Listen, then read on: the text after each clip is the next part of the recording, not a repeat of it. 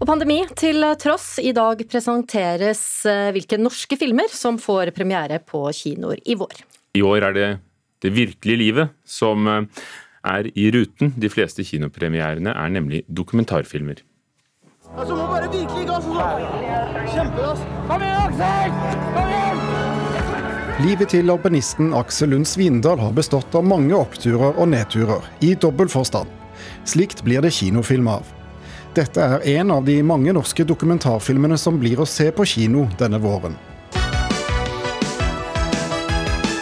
Den aller første filmen om a-ha skal også ha premiere snart. Dokumentarfilmer utgjør brorparten av de norske kinopremierene frem til sommeren, med sju av elleve titler. Det er en helt fantastisk eh, utvikling på norsk dokumentar for tiden. Både nasjonalt, men også internasjonalt. Kjersti Moe er direktør for Norsk Filminstitutt, som spiller en rolle i de fleste filmer her i landet, enten det er fiksjon eller fakta. Norske filmer har vunnet hovedprisen på verdens største dokumentarfilmfestival, som heter IDFA, eh, to ganger på så kort tid. Vi har jo også fire Oscar-kvalifiserte dokumentarfilmer fra 2020. Så det er en gullalder for norsk dokumentar. Det er mange politibetjenter her, med gevær, pistoler og alt dette. Jeg kunne aldri forestille meg at de sto der for meg. En som forsøkte å skape gull av gråstein, var Walid Ahmed, som lurte både kronprinsparet og regjeringen med sin miljøteknologi, før han ble dømt til elleve års fengsel for svindel med Justin Bieber-konserter i USA. Regissør Emil Trier skal nå fortelle den eventyrlige historien på kinolerretet. Jeg har sett utrolig mye bra dokumentarer av mine kollegaer de siste årene, og jeg syns det er veldig fint at det kommer så mye dokumentar på kino. Og min opplevelse er også at veldig mange er interessert i dokumentar. Det ser man jo både på Netflix og HBO Nordic. og det er det har fått en stor plattform. Norsk dokumentarbransje holder veldig høyt nivå nettopp fordi de tar for seg spennende temaer, så engasjerer disse filmene i stor grad eh, kinopublikummet. Vibeke Skistad er daglig leder hos distributøren Euforia Film.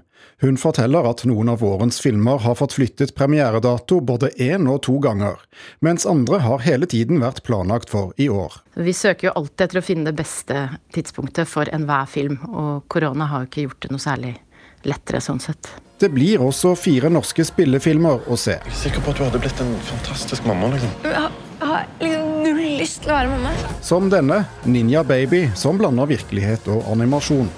Å sette riktig premieredato for en spillefilm nå under pandemien er utfordrende, sier Kjersti Mo. Spillefilm er en kjempeinvestering. Så det om man si, når ut til publikum, og man har egentlig bare én sjanse til en lansering, det er høy risiko. Eh, sånn at den usikkerheten som er omkring dette, eh, påvirker. Norsk film kan nyte godt av at mange Hollywood-filmer utsettes. For det betyr mer oppmerksomhet i månedene fremover. Vibeke Skistad tror det er lurt at ikke for mange venter for lenge med å vise filmen sin. Alt kan ikke flyttes. Da blir det jo en, blir en opphopning seinere og enorm konkurranse om både kinosaler og publikum, og det er jo ikke plass til alle filmer til høsten eller alle filmer neste vår. Reportere var Oddvin Aune og Thomas Alvarstein Ove. Astrid Aspen, du er leder for den eldste og største dokumentarfilmfestivalen i Norge, nemlig den norske dokumentarfilmfestivalen, som er drevet av studenter i Volda. Hvorfor tror du det kommer eh, så mange, syv av elleve dokumentarfilmer i, i vår? Eh, jeg tenker jo sånn med en gang at covid har satt en eh, stopper for produksjonen av spillefilmer. Mens dokumentarproduksjonen har kunnet gått så som så nokså vanlig pga. mindre crew og at man trenger mindre penger da, til å finansiere det. Har folk, publikum, fått sansen nå er det jo litt spesielle tider for det å gå på kino, men stort sett fått sansen for å, å, se en dokumentarfilm på kino uh, like mye som å gå og se en spillefilm, tror du? Det tror jeg. Jeg tror uh, TV-serier, altså dokumentarer på TV, har banet vei for at folk eh, har en litt lavere terskel for å gå på kino og se dokumentarer. True crime f.eks. har jo vært i vinden de siste ja, iallfall fem-ti årene som eh, har gjort at folk har forstått at eh, dokumentarer ikke bare er historiske gjenfortellinger om ja, altså en enkelt stemme og begivenheter, da. men det er faktisk ekte følelser og ekte mennesker og ja, gravjournalistikk, og man kan kjenne seg igjen i det. Er det bare magefølelser? Kan vi gi litt av æren, i hvert fall i Norge, til heftig og begeistret om Berlevåg mannssangsforening som, som kom i 2001 på kinoene? Må jeg helt ærlig si at jeg ikke kan uttale meg om. Det var en dokumentarfilm som folk gikk mann av huset for å se, og det hadde vi ikke opplevd for lenge. Men hvor, de filmene vi hørte om i reportasjen, hvor, mm. hva, hva, tror du det er med timingen som gjør at de kommer akkurat nå? Eh, det syns jeg er litt vanskelig å svare på også. Jeg har ikke sett så mange av de. Men eh, jeg vil bare si at jeg syns det er veldig bra at eh, f.eks. Eh, Generasjon Utøya og eh, Uten filter kommer nå. Fordi det gir eh, en unik mulighet da, med dokumentarer er at man kan gi narrativen til unge mennesker istedenfor at eh, spillefilm, eh, altså manus, eh, manusskrivere, kan skrive filmer for barn eller unge. Eh, men da gir man liksom narrativen til de unge selv, da, og det syns jeg er veldig fint. Hva Hvilket rom tror du dokumentarfilmene fyller? Eh, mellom dokumentarbøker, journalistikken og, og det som er ren diktning? Eh, jeg vet ikke helt om jeg skjønte hva du mente nå.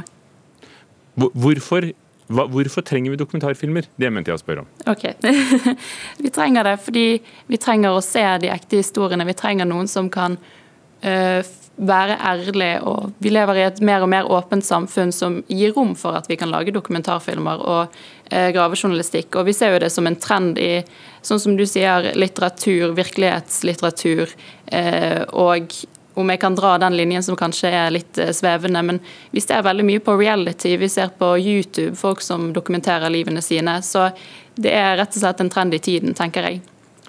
Hvordan skal dere, dette er da Vi har hørt om syv eh, filmer som kommer på, på kino. Hvordan skal dere løse floken rundt det å lage en filmfestival i år? I Norsk dokumentarfilmfestival i Volda? Nei, om du har svaret, så må du bare sende oss en mail. Eh, det er, det er veldig krevende. Eh, vi må bare holde oss oppdatert og ha forskjellige løsninger klare, rett og slett. Takk skal du ha. Astrid Aspen, som leder Norsk dokumentarfilmfestival. Mange fant nye hobbyer i 2020, og for noen så er brødbaking blitt en ny lidenskap. Er du en av disse, eller skulle du kanskje ønske at du var det? Vår matkritiker har funnet et utvalg bakebøker som kan få deg i gang. Miriam Folland, velkommen. Nå kan man jo funne alle mulige slags eh, bakeoppskrifter på nett. Hvorfor mener du at man likevel bør investere i en eh, bakebok? Jo, brødbaking er jo eh, på mange måter veldig sånn enkelt og grunnleggende, men det kan også fort bli veldig komplekst og overveldende. Og da er det veldig fint å ha en eh, bakebok foran seg som kan gjøre ting veldig oversiktlig, eh, og som kan gi deg gode tips og triks eh, og innsikt som du kanskje ikke finner på en veldig sånn generisk bakeoppskrift på nett. da. Og så har du tatt med deg her i studio, du har med deg tre bøker som du har sett på. Den første av de er en du tenker passer for alle, så vidt jeg skjønner? Ja. Eh, 'Eltefri bakst' av Ina Janine Johnsen er en eh, kokebok jeg absolutt anbefaler til alle som har eh, Eh, som syns det er litt vanskelig å bake, eller som aldri har bakt før, eller bare folk som syns det tar for mye tid. Det er veldig enkelt å få til eltefri bakst. Eh, du setter en deig på kvelden, du bare blander sammen ingrediensene, tar fem minutter, og så hever den over natten, og så bare steker du den på morgenen, eh, rett og slett.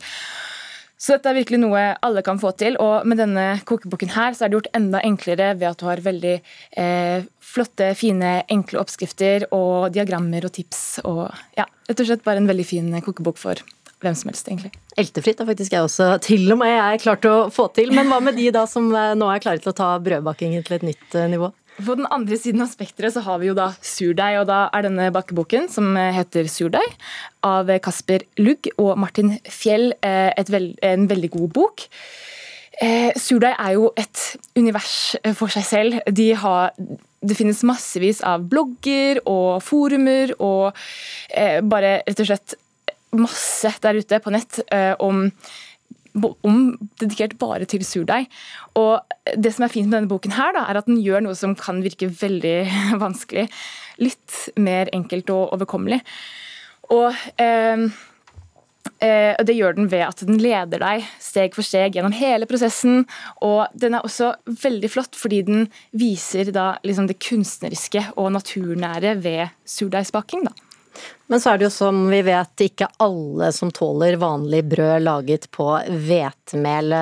Hva for alle glutenallergikerne der ute? Jo, denne boken, den store glutenfrie bakeboken, er så god fordi den gir virkelig sånn verdige alternativer til eh, hvetemel, eh, hvetebakst. Moren min er glutenallergiker, og opp gjennom årene så har jeg prøvd å lage og bake glutenfritt til henne, og det har alltid blitt sånn eh, ymse. Helt til jeg prøvde oppskrifter fra denne boken her.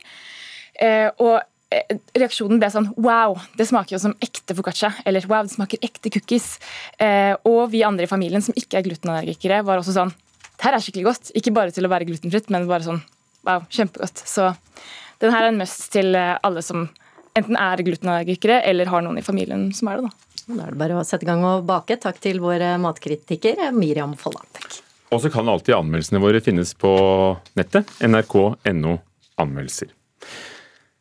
Det er gått 30 år siden den aller første utgaven av bladet Blikk kom på gaten og i postkassene i Norge. Et blad som var eh, viktig for alle homofile og lesbiske og andre skeive i Norge.